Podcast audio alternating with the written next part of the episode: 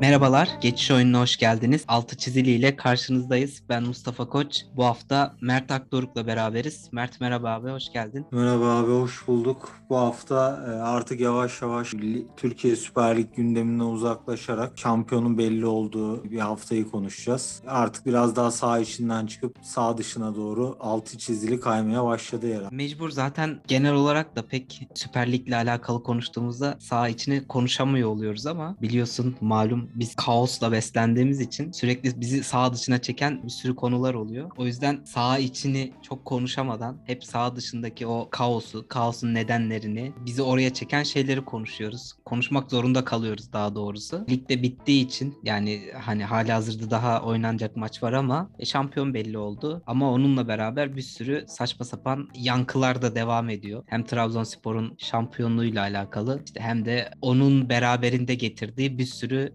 tantana ve şamata var açıkçası. Dede magazin var abi. Dede Kutlamalar bile bayağı bir olay oldu. Evet bu arada çok acayip de bir döneme denk geldi. E, Trabzonspor'un İstanbul'da kutlaması. Bir taraftan da e, karşı camia olarak Fenerbahçe camiasının Ali Koç'un açıklamaları bir, hemen ertesinde divan toplantısı vardı ki aynı gün bir taraftan da Beşiktaş Fenerbahçe derbisi falan vardı. Böyle bir acayip her şey ardarda geldi gibi oldu. Evet bir de İmamoğlu Fenerbahçe Trabzon muhabbetleri.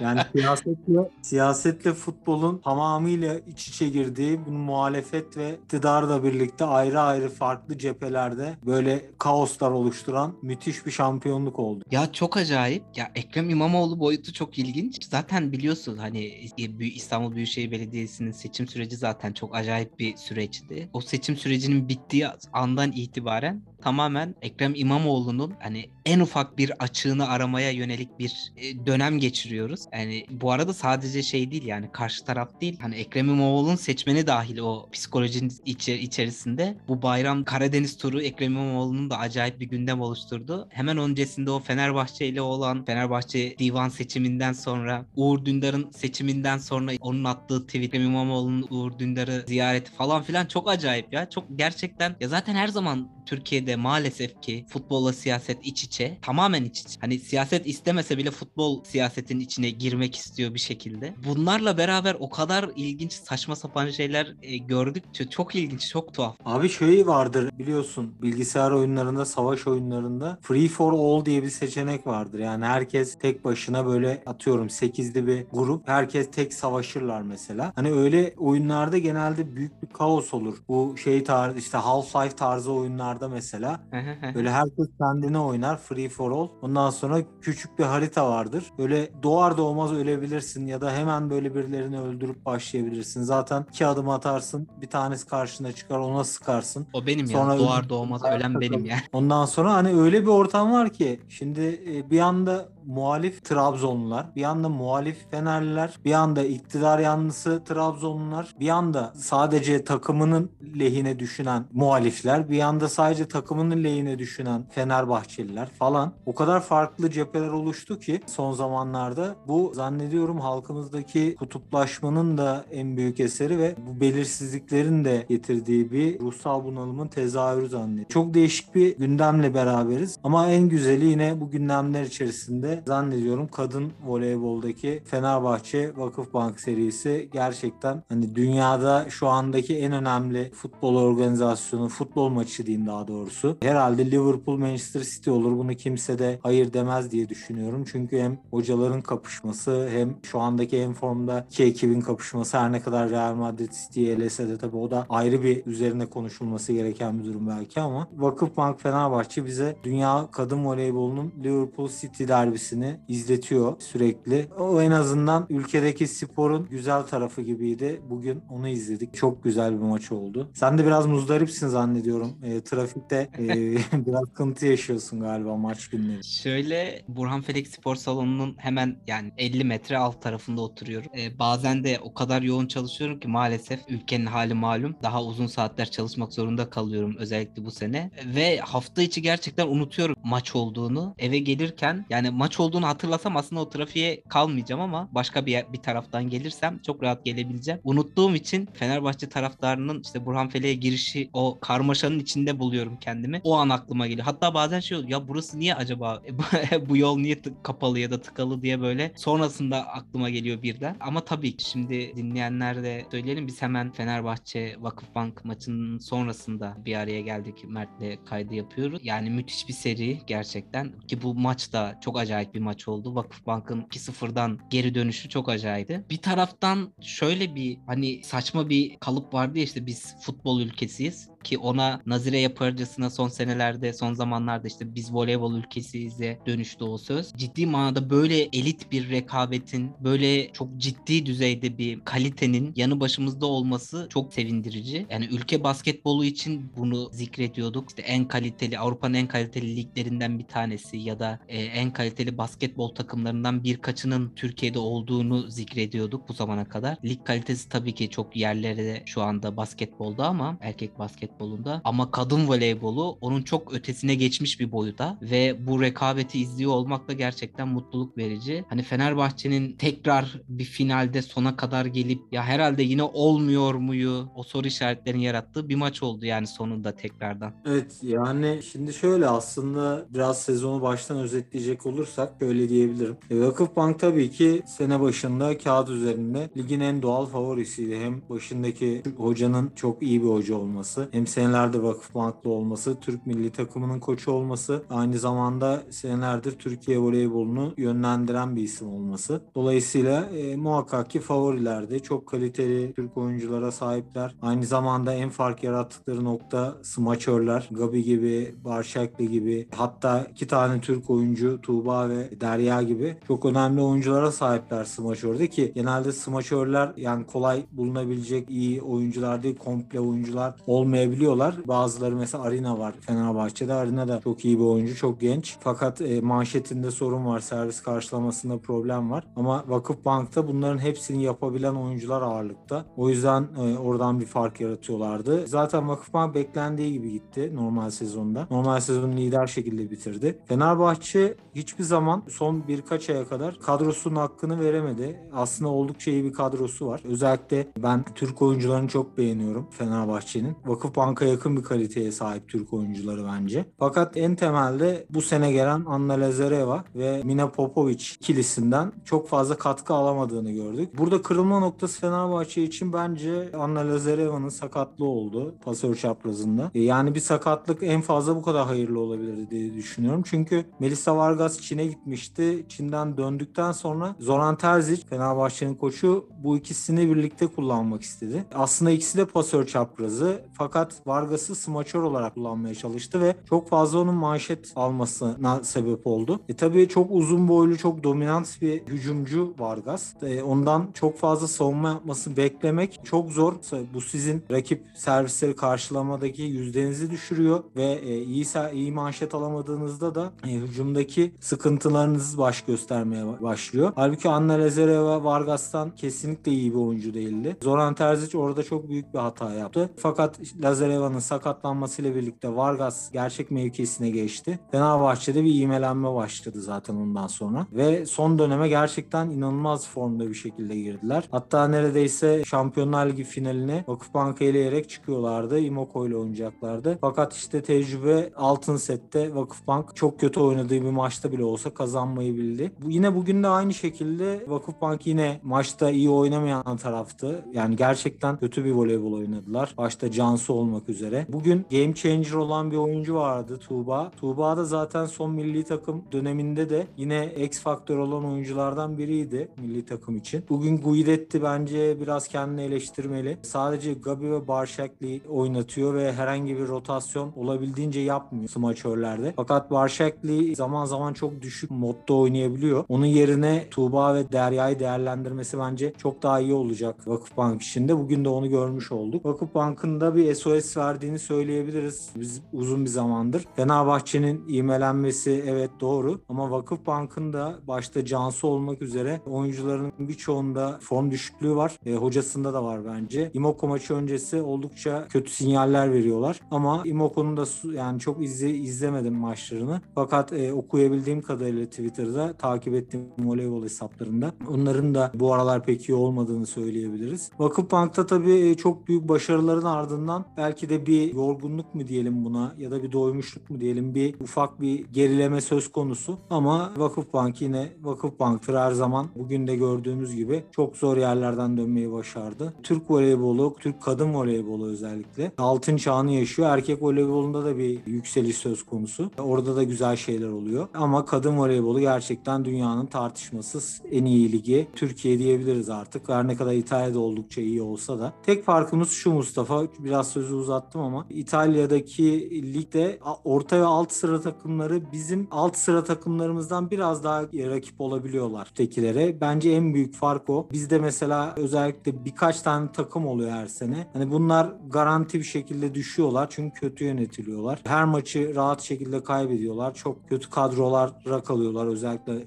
ligin sonlarına doğru. Böyle sıkıntılarımız var. Umarım bunlar da giderilirse yani net şekilde dünyada herkes artık diyecek ki evet doğru Türkiye Ligi gerçekten dünyanın en iyisidir diyecek çok rahat bir şekilde. Şu anda da diyebilir ama böyle durumlar söz konusu. Basketbolda da aslında biraz şey yaptın hani e, biraz enseyi fazla kararttın. Aslında Bursa Spor'un e, Euro Cup finaline çıkması mucizevi bir şekilde demek biraz belki onların emeklerine şey olacak ama hakikaten çok zor takımlar elediler. Müthiş bir performans sergilediler ve Bahçeşehir'in de e, yine FIBA Euro Cup'ı kazanması. E, aslında Türk basketbolunda da biraz lokomotif olan bir takım Fenerbahçe'ydi biliyorsun. Fenerbahçe'nin bir düşmesi söz konusu form durum bağlamında ve bütçe bağlamında da belki biraz daha geriye çekilebilir. Her ne kadar Ali Koç bunu yapmayacaklarını söylese de şu anda çok iyi gitmiyorlar ama Efes hala çok kötü gibi gözükse de en başta her zaman Arap atı gibi sondan açılıyor. Onu Efes'te yine Final Four'da basketbolda aslında değişik bir sezon yaşıyor diyebiliriz. Evet şimdi vo- voleybolun özelinde özellikle devlet bankalarının işte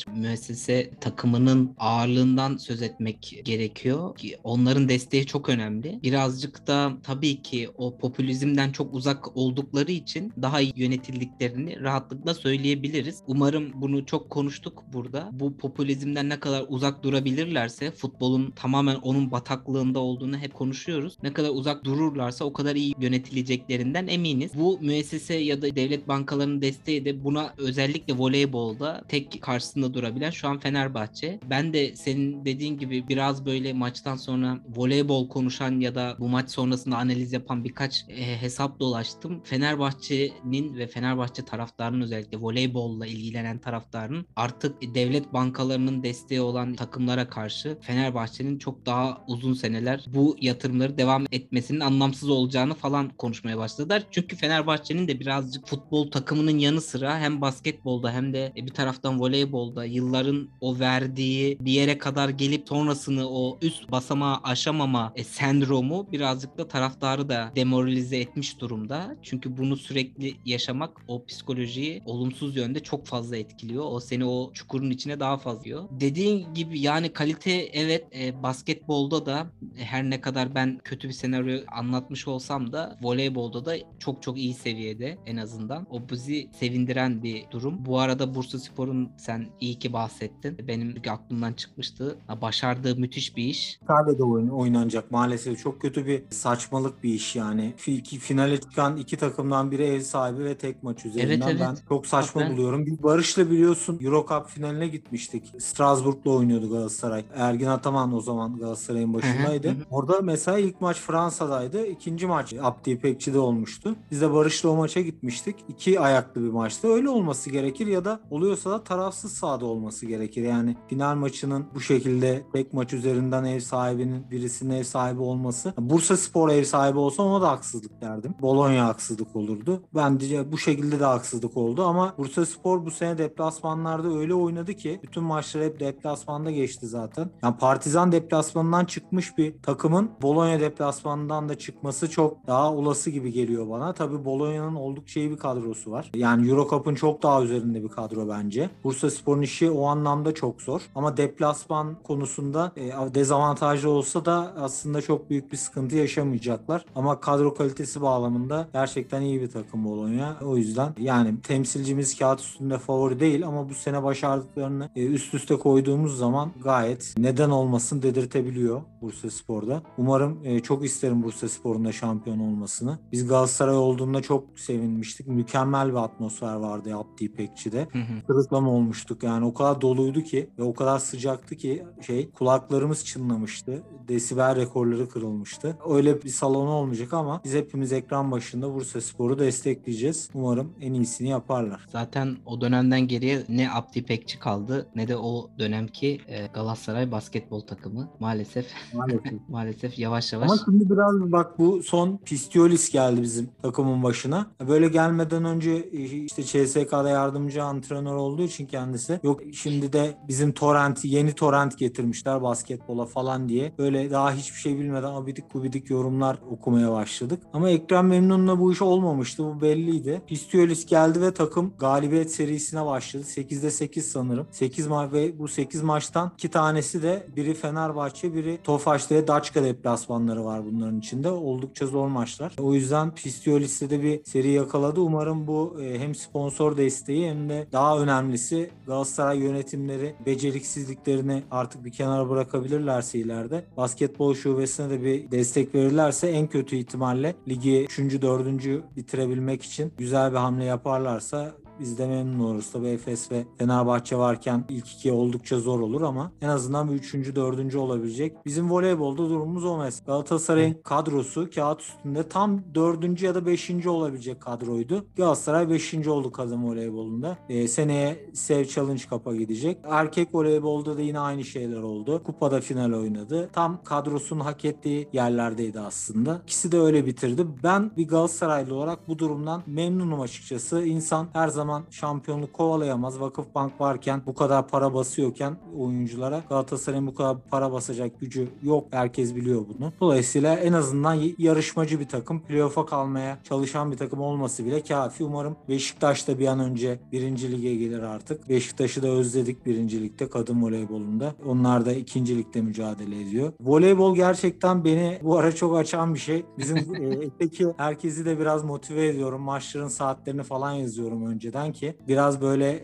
birbirimizi pozitif etkiliyoruz. Baktım bugün mesela herkes pür dikkat izledi yani. Şu futbolun kaosundan bugün konuşsak bile birazdan olabildiğince hayatımızdan böyle biraz daha ne diyeyim aforozu edersek daha süper olur. Ya kesinlikle ben de heves ettim. Biz Ankara'daydık bayram tatilinde. Ekinli kapıp Ziraat Halk Bankası erkekler final serisindeki ikinci maça gittik. Tabii ki ben bir taraftan sadece Ekin'in o havayı solumasını birazcık o ortamı görmesini istediğim için gittim. Bir fırsat yaratıp. Güzel de oldu. Hani bizim için güzel bir anı oldu. TRT Spor yayınlıyor biliyorsun maçları. İki set arası çalan müzikle dans ederken bir taraftan şeye de çıkmışız. Televizyona da çıkmışız. Bizim için güzel de bir anı oldu. Voleybol kısmını yavaş yavaş toparlayalım. Fenerbahçe Vakıfbank özelinde konuştuktan sonra Fenerbahçe'nin futbol tarafında yaşadığı birazcık da kaosa geçmek istiyorduk. Kaos derken Ali Koç'un Trabzonspor'un şampiyonluğu ve şampiyonluk sonrası yaşanan olaylara hafta sonu yaptığı basın toplantısı ve hemen sonrasında divan kurulunda yaptığı konuşmalarla verdiği cevapla bir gündem tekrar hararetlendi. Deminden aslında girişte birazcık konuştuk. Biz her ne kadar siyaset futboldan kaçmaya çalışsa bile futbol siyasetin içine bir şekilde giriyor oluyor. Ali Koç'un basın toplantısında yaptığı aslında e, her konu başlığında bir şekilde siyaset de bu işin içine girmiş oldu. Çünkü Trabzonspor'un bu sezonki şampiyonluğuna Trabzonspor taraftarı ve o camianın dışında kim bakarsa baksın bu işin bir şekilde siyasetin e, dahil olduğu ki şampiyonluk kutlamalarında da bunu çok net gördük. O Antalya Spor maçı öncesi, sırası ve sonrasındaki sosyal medyada özellikle paylaşılanlarla birlikte e, acayip bir durum ortaya çıktı. Antalya Spor maçı öncesinde tribünlerde açılan pankart, maçın sonlarına doğru taraftarın sahaya girmesi, e, maçı bitti zannetip sahaya girmesi, taraftarın tribüne geri dönmesi, maçın devam etmesi, bitmesi, sonra tekrar taraftarın sahaya girmesi,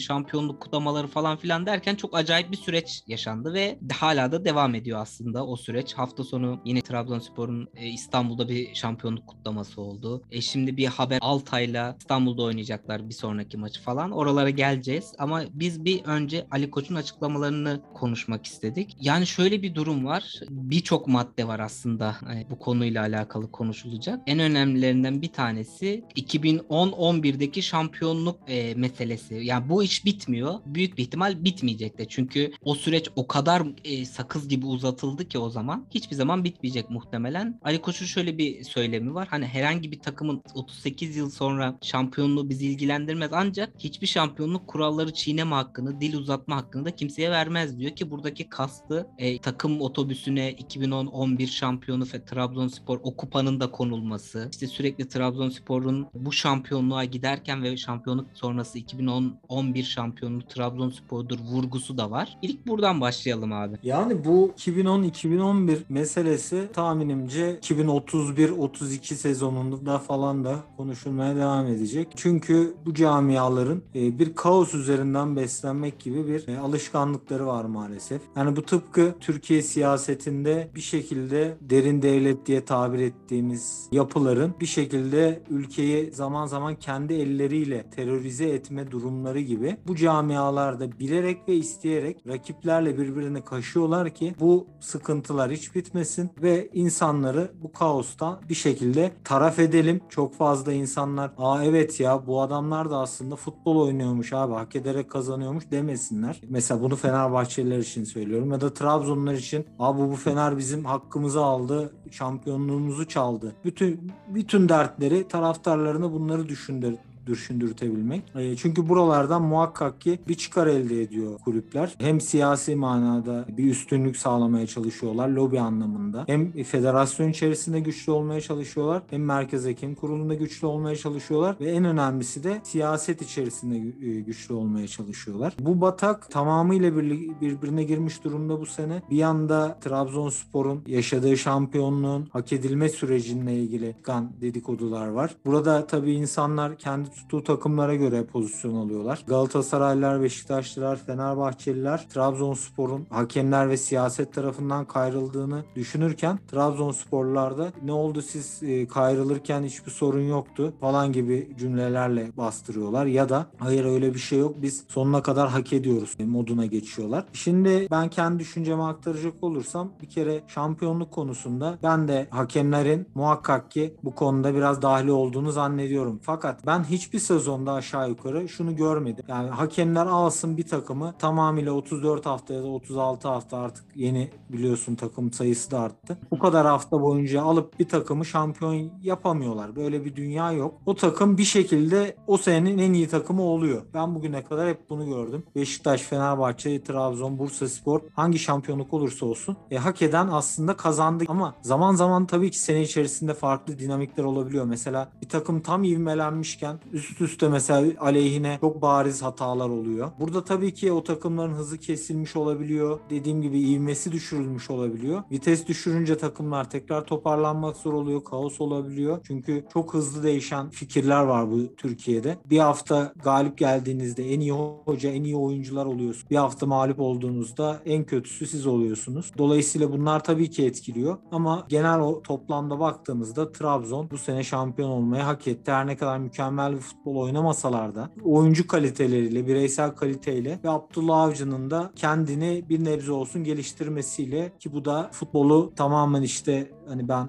savunma anlamında olabildiğince güçlü kalayım. Nasıl olsa ön tane atarım düşüncesinden biraz da kadronun vermiş olduğu mecburiyetten kaynaklı. Daha ofansif bir futbolla, daha göze hoş gelen bir futbolla ve daha yetenekli oyuncularla daha doğrusu oynamasıyla hak ettiğini zannediyorum. Tabii tartışmalar çok vahim duruma geldi. Dediğin gibi Ali Koç'un açıklamaları şöyle başladı aslında. Basın toplantısı düzenlemesinin en temel sebebi stada alınan pankarttı. Pankartta Abdullah Avcı'nın bir tüfeği vardı ve bu tüfeğin ucuna da bir kanarya yerleştirilmişti. E, bu tabii ki Fenerbahçelileri bu kurşunlanma olayın üzerinden tahrik etmek ve oradan işte incitmek aslında temel amaç. Fakat bu çok yanlış bir davranış olduğunu söylemek için çok etik sahibi biri ya da akıllı biri olmanıza gerek yok. Bu çok yanlış bir pankart. O olay üzerinden eğer siz Fenerbahçe vurmaya çalışıyorsanız direkt olarak zaten haksız duruma düşersiniz ve art niyet arar insanlar burada. O olayı sonuçta Fenerbahçe oldukça yara aldığını düşündüğü bir olay ve futbolla hiç ilgisi olmayan bir olay. Yani bir camia, koskoca bir camiayı buradan vurmaya çalışmak oldukça aciz gösteren bir durum kulübü. Yani bu kadar bir hırsla bunun ve bu pankartın sokulması üzerine bir aslında konuşma yapacaktı Ali Koç ki yaptı. O gün tabii statta bazı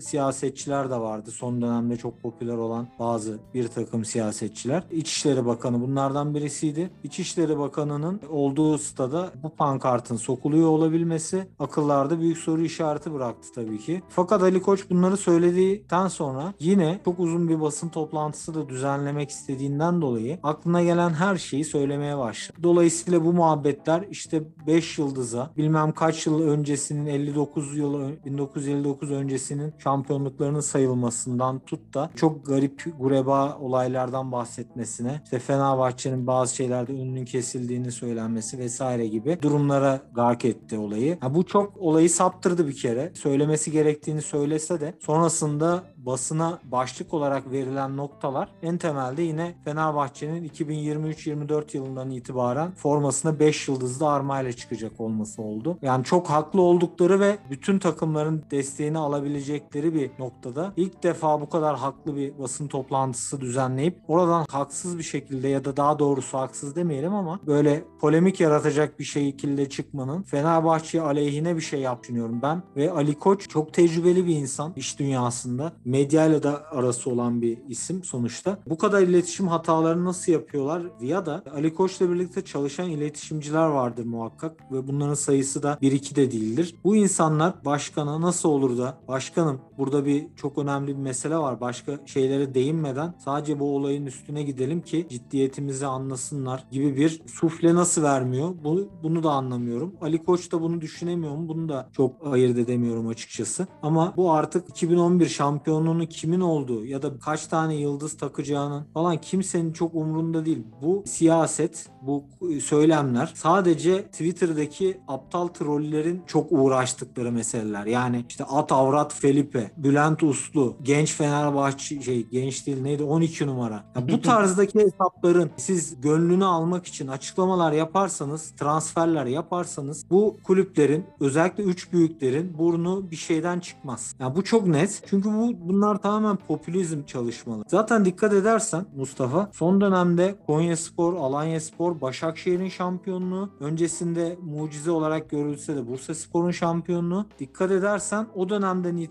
yavaş yavaş ivmelenen bir Anadolu takımı şeyleri var. Özellikle Bursa Spor aslında biraz dışında tutmak lazım. O çünkü taraftarı baskın olan büyük bir camia ama ben özellikle taraftarı daha az olan camialarda e, popülizmin de çok daha az olduğunu ve yöneticilerin çok daha başarılı işler yapabildiğini görüyorum. Dolayısıyla daha ön, önümüzdeki senelerde de yine Süper Lig'de bu tarz takımları görme ihtimalimizin yukarıda görme ihtimalimizin çok olduğunu düşünüyorum. Bu sene Konya Spor 3. olacak çok büyük ihtimalle. Seneye bir Antalya Spor'un ne olacağını görmek lazım mesela. Alanya Farioli ile devam ederse, Farioli üstüne koyarsa onların ne yapacaklarını görmek lazım. Üç büyükler sadece taraftarını kandırma uğruna çok fazla işler yapıyorlar. Bunların en temelinde de basın toplantıları yer alıyor zaten. O kadar çok yanlış şeyler söyledi ki aslında hani bunları tek tek böyle söylemek o kadar güç ki ama tek söyleyebileceğim çok haklı bir noktadan çok haksız bir noktaya kaosa götürdü takımını Ali Koç. Bu da onlar için hiç iyi olmadı. Ama sen de bir şeyler söyleyeceksin sanırım. Özellikle bu kutlamalar meselesi konusunda da çok kişinin söylemediği şeyleri söyledi. O konuda da hak vereceğim Ali Koç'a. Ama çok konuştum istersen biraz sözü sen al abi. Şey konusunda çok haklısın. Yani oraya asıl e, çıkma nedeninin dışında en sonda yaptığı 5 yıldız e, açıklaması ondan önceki her şeyi birazcık daha gölgelemiş oluyor. Çünkü orada çok önemli bir konuya parmak basıp en sonunda 5 yıldızla önümüzdeki sezon siparişlerini bile verildi. İşte formalarımız 5 yıldız olduk dedikten sonra e, biliyorsun e, basınımız zaten burada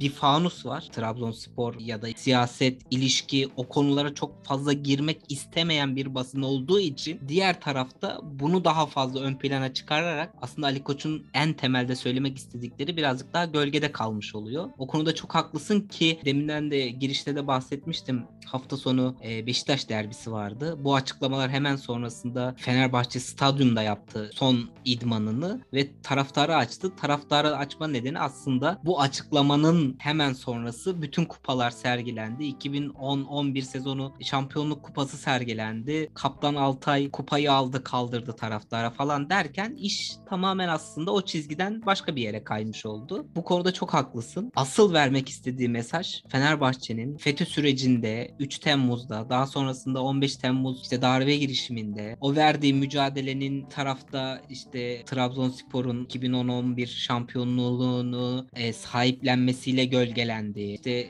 Cumhurbaşkanının bile bu konularda açıklama yapmış olmasına rağmen bu camianın neden bu şampiyonluğa sahip çıkmaya çalıştığını sorguladığı bir yerden bir taraftan 5 yıldıza kaymış oldu. E, diğer taraftan e, bu pankart meselesi çok acayip bir yere aslında varıyor ki en sonda aslında söylediği bu konuyla alakalı şey çok insanı düşündüren bir mevzu. Bu pankart hazırlanıyor. Bu pan- bütün pankartların yani bu el boyutunda da olsa kontrolden geçmeden hani içeri sokup açma şansın yok. E, bunu polis kontrol ediyor. E, öncesinde denetime giriyor. O maçta dediğin gibi bu işlerin başında olan İçişleri Bakanı'na varana kadar hükümet kadrosundan çok ciddi isimler orada. Buna rağmen açılması, sergilenmesi ve bu konuda hiç kimsenin hiçbir şey söylememesi e, çok ilginç. Bu da tabii ki e, yine Ali Koç'un oraya çıkıp bu açıklamaları yapmasında haklılık payını çok yukarı çekiyor. E, bir taraftan da biz hani bu şampiyonluk kutlamaları ve bunun nereye kadar gidebileceği boyutunda bir şeyimiz vardı. İşte bayrak asma konusunda da bir sözü var ki e, burada da çok haklı bir taraftan. Şey diyor hani hangi lig bitmeden köprüye bayrak asıldı ki daha Antalya Spor maçı oynanır oynamaz ertesinde hemen İstanbul'da Boğaz Köprüsü'ne Trabzonspor'un bayrağı asıldı. Bu bambaşka bir konu ki birazcık bunun sembolik bir şeyi vardı aslında. Çünkü Boğaz Köprüsü'nde tabii ki hani ligde sürekli üst üste İstanbul takımlarının şampiyon olmasıyla da alakalı bir durumda ama aslında İstanbul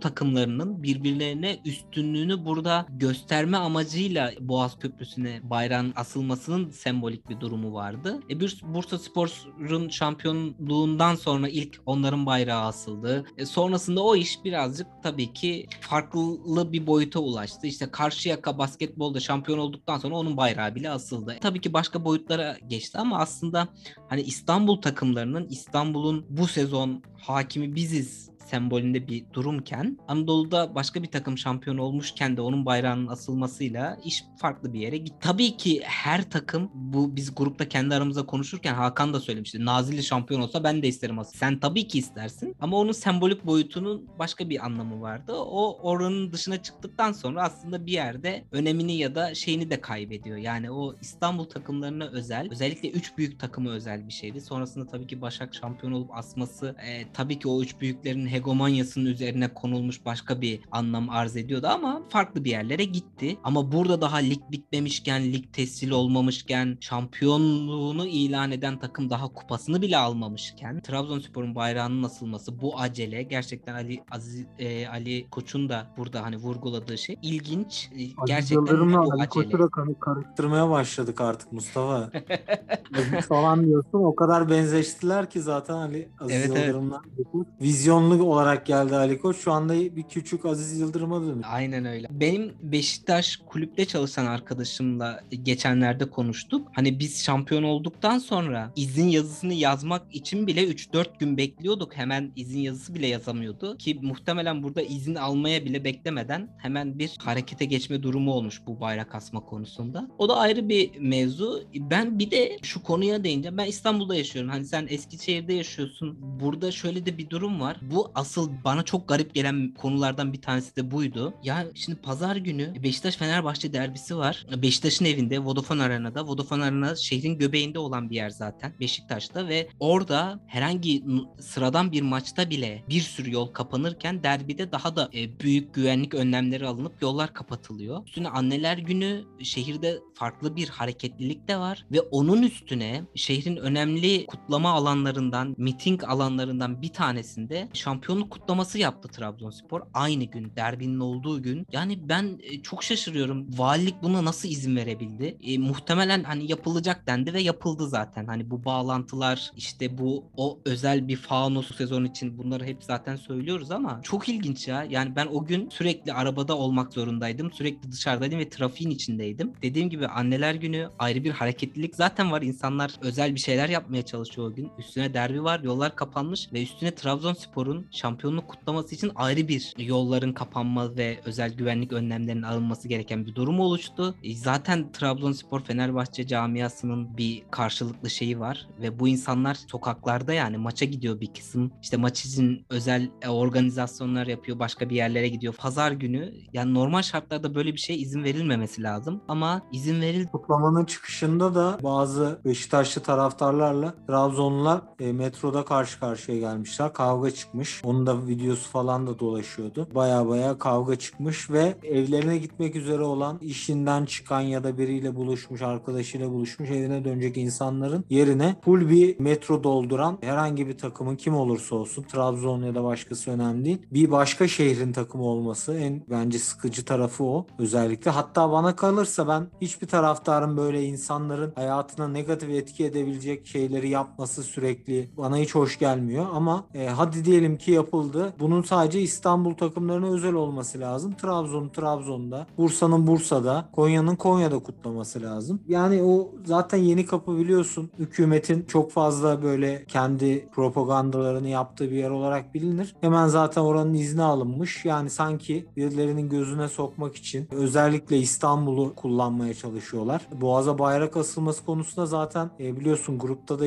yazışmıştık. Ben bununla çok rahatsız olduğumu söylemiştim. Senin de dediğine %100 katılıyorum. Yani İstanbul takımları özelinde Boğaz'a bayrak asılmasının en fazla bir esprisi olabilir. Çünkü İstanbul'da İstanbul'un en büyüğü bu sene biz e, muhabbetinin bir tezahürüdür bu. Ama sen gelir buraya Bursa Spor'un da bayrağını asarsan geçmiş olsun. Nasıl ki pandemi döneminde bu sezon hüküme düşme kaldırılacak dendi. O her sene bu sene düşme kaldırılsın mı demeye başlandı. Şu anda pandeminin etkisi çok düşük ama hala düşen takımlar acaba kaldırabilir miyiz küme düşmeyi? Biraz lobiyi devreye sokabilir miyiz? Siyaseti bağlayabilir miyiz? diye bu şeylerin peşinden koşur oluyorlar. Sen bir kere bu işi deldirdiysen Türkiye'de bunun sonuna kadar kullanılacağını biliyor olman lazım. Dolayısıyla oraya en başta Bursa Spor'un bayrağını asmayacaklardı. Öyle olunca Trabzon'un bayrağı asılınca da kimse de bir şey diyemedi. Bu sefer de tabii diğer taraftarların bu bayrağı indirme ihtimalini olduğunu düşünerek bir de başlarına polis dikmişler. Her ne kadar Rambo bu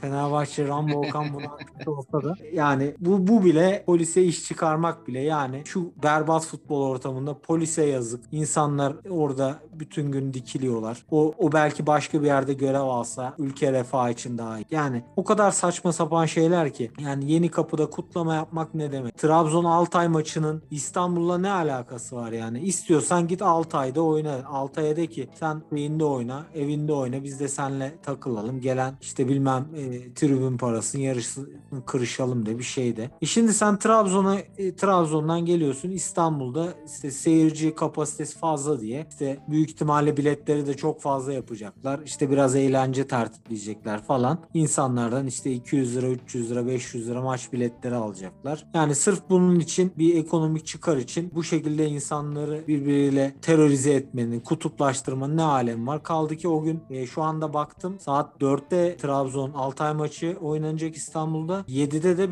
Beşiktaş'ın maçı var sanırım. Yok Fenerbahçe'nin pardon. Hı hı. Fenerbahçe'nin maçı var. Yani bir de böyle bir acayip bir durum var. Ya Yani hani sanki taraftarlar karşı karşıya gelsin diye özellikle uğraş uğraşsalar anca bu kadar. Ya şimdi şöyle bir durum var. Hani İstanbul çok özel bir şehir. Trabzon şehrinde yaşayan Trabzonlulardan daha fazla e, İstanbul'da yaşayan Trabzonlu vardır. Trabzonspor birazcık da özel bir takım. Ya sadece Trabzonlu olup Trabzon'u tut- tutan ya da Trabzon sporlu olan taraftardan ziyade genelde Doğu Karadeniz ve Karadeniz'in belli bir kısmına kadar Trabzonsporlu olan ya da o onu da ikinci takım olarak tutan çok e, insan İstanbul'da yaşayan insan vardı. Ben birazcık da tam tersi bayrak asılır şampiyonluk kutlanılmazdan ziyade bayrak asılmamalı ama evet Trabzonspor şampiyonluğunu İstanbul'da kutlayabilir. Bunu anlayabiliyorum. Çünkü çok fazla Doğu Karadenizli ve Trabzonspor Trabzonlu insan yaşıyor bu şehirde. Bunu anlayabiliyorum ve buna empati yapabiliyorum. Çünkü ben de isterdim. İşte takımın İstanbul'a gelmesi, işte orada kupayla birlikte çıkması ki kupayla birlikte çıkması çok değerli bir şey tabii ki. Ama bunun daha lig bitmeden, lig tescil edilmeden, daha Trabzon'da bu kutlamanın adam akıllı kupayla birlikte yapılmadan burada yapılmış olması, bu şekilde yapılmış olması çok abes. Sadece onu söylemek senin dediğine ek olarak. Ama işte deveye demişler neren Neren, neren eğri, neren doğru ki. Ha, nerem doğru demiş. Yani o misal işte Boynun neden eğri demiş pardon. ha, bir taraftan da işte senin dediğin gibi Altay maçının İstanbul'da oynanması. Herkes saha olaylarından dolayı çünkü bu saha olayı olarak geçen bir durum. Daha maç bitmemişken taraftarın ve 1-2 değil e, yüzlerce taraftarın sahaya girmiş olması durumu var. Hani burada e, seyircisiz maç oynama cezası falan beklenirken e, hem de bayağı 8-10 maçlık böyle bir ceza beklenirken işte para cezası ile geçiştirilip üstüne Altay maçının seyircili ve İstanbul'da oynanma durumunun ortaya çıkması gerçekten acayip. İşte taraftan bu bağlantılar işte ne bileyim siyasetin bu işe birazcık göz yumması ya da destek vermesi e, tartışılırken e, bir, burada da haklılık payının e, bayağı yüksek olduğunu da gördüğümüz durumlar e, yaşamış olduk. Bu sezonu da bu şekilde görmüş olduk açısı. E, geçtiğimiz sezon Süper Lig açısından ilginç bir sezondu. Şampiyonluk yarışı son maça son saniyeye kadar kalmıştı. Uzun süreler öncesine kadar böyle bir şey yaşamamıştık. Bu sezonda şampiyonun neredeyse Aralık'ta, Ocak'ta e, resmi olarak ya da matematiksel olarak belli olmasa da ismen belli olduğunu biliyorduk. Ama bambaşka bir kaosu getirdi bir taraftan da. Trabzonspor ve Trabzon camiası olarak genel olarak şehir olarak baktığımız aslında muazzam bir iş. Bir Anadolu takımının tekrar yıllar sonra çok çok sonuna kadar gelmiş olup başaramasa da bu sezon başardığı müthiş bir iş olarak görebilirdik ama bambaşka şeyler konuşacağım. Ali Koç'un açıklamalarıyla beraber. Gün geçmiyor ki Süper Lig bizi şaşırtmasın. Sonunda böyle bağlayayım abi. Evet abi yani bu lig maalesef kaoslarla dolu. Biliyorsun ben de eskiden çok daha e, sıkı takip ederdim. Hatta hiçbir zaman yani Süper Lig'deki aynı saatte değilse hiç maçı kaçırmadığım çok fazla seneler oldu. Fakat geçtiğimiz sezondan başlayan bu seneye de e, oldukça sirayet eden benim artık yavaştan kendimi Süper Lig'den çekmem. Yani seneye daha da fazla olacaktır. Daha az takip edeceğim en azından. Öyle söyleyebilirim. Beni artık kadın voleyboluyla anarsa dinleyenler memnun olurum.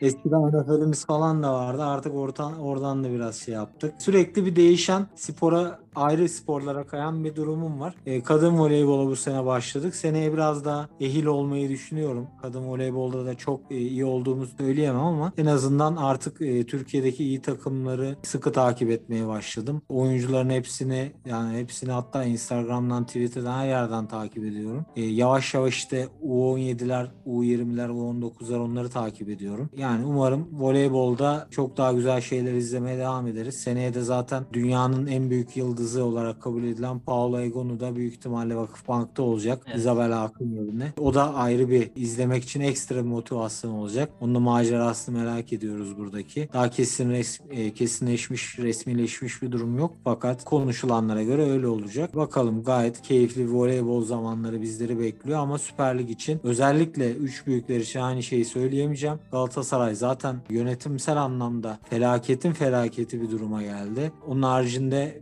Beşiktaş'taki teknik direktör durumu hala güvercin tedirginliğinde. Valerian İsmail iyi mi kötü mü herkes bunu tartışıyor. Onun haricinde Fenerbahçe zaten çok geçmişten bu yana gelen artık bir kaybedici, e, loser diye tabir ettiğimiz bir duruma bürünmüş durumdalar. E, onların da burnu şeyden çıkmıyor. İsmail Kartal her ne kadar kısa vadede oldukça iyi işler yapsa da Fenerbahçe taraftarı onu da bağrına basabilecek psikolojide değil. Çok iyi bir hoca istiyorlar. E, Jorge Jesus gelecek herhalde.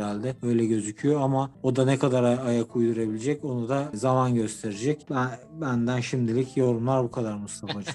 Abi eyvallah. Dediğin gibi ülkenin futbolda en başarılı takımlarından Galatasaray'ın seçim süreci var. Olacak mı olmayacak. Başkan kim belli değil. Teknik direktörü sürekli diyor kaç aydır kulüpte hiçbir iş yapılmıyor. Başkan bile var mı yok mu belli değil diyor. E bir taraftan bakıyorsun Beşiktaş e, yeni teknik direktör. Dediğin gibi devam edecek mi etmeyecek mi o soru işaretiyle e, şu anki kulüp başkanı seçimi seçime gidecek aday var mı yok mu o belli değil. Futbol Federasyonu'na geliyorsun. Futbol Federasyonu'nda başkan bile yok. Bir taraftan seneye önümüzdeki sezon e, ligi yayınlayacak yayıncı var mı yok mu o belli değil. Ki şu anki duruma göre yayıncısı bile yok. E, herhangi bir değer bile verilemiyor maddi olarak. Hani bu ligin değeri şudur. Ben o parayı veriyorum, alıyorum diyen saçma sapan bir kaosun ve durumun içindeyken en azından e, dediğin gibi kadın voleybolunu da konuşmuş olduk bugün. Bu bütün saçmalıkların yanı. Bu hafta da altı çizilinin yavaş yavaş sonuna geldik. Eğer ekleyeceğim bir şey yoksa Teşekkür ederim. Ağzına sağlık. Eyvallah abi senin de ağzına sağlık. Güzel bir muhabbet oldu. Altı çizde bu hafta hem Vakıfbank Fenerbahçe final serisinin son maçına ve bir taraftan da Mert'le sağ olsun e, ligin şöyle bir özetini yapmış olduk. Bir taraftan da Ali Koç'un açıklamalarıyla beraber Trabzonspor'un şampiyonluğu ve şampiyonluğu sonrası bir sürü yaşanan kaosu ve işte olayları konuş toparladık. Bu haftalık altı çiziliği bu şekilde sonlandırıyoruz. Bizi dinlediğiniz için teşekkür ederiz. Geçiş oyunu podcast kanalı olarak tüm podcast mecralarında bizi takip edebilir ve dinleyebilirsiniz. Aynı zamanda GoCast adıyla e, YouTube'dan da takip edebilir, dinleyebilir ve en önemlisi yorumlarınızı ve görüşlerinizi bırakabilirsiniz.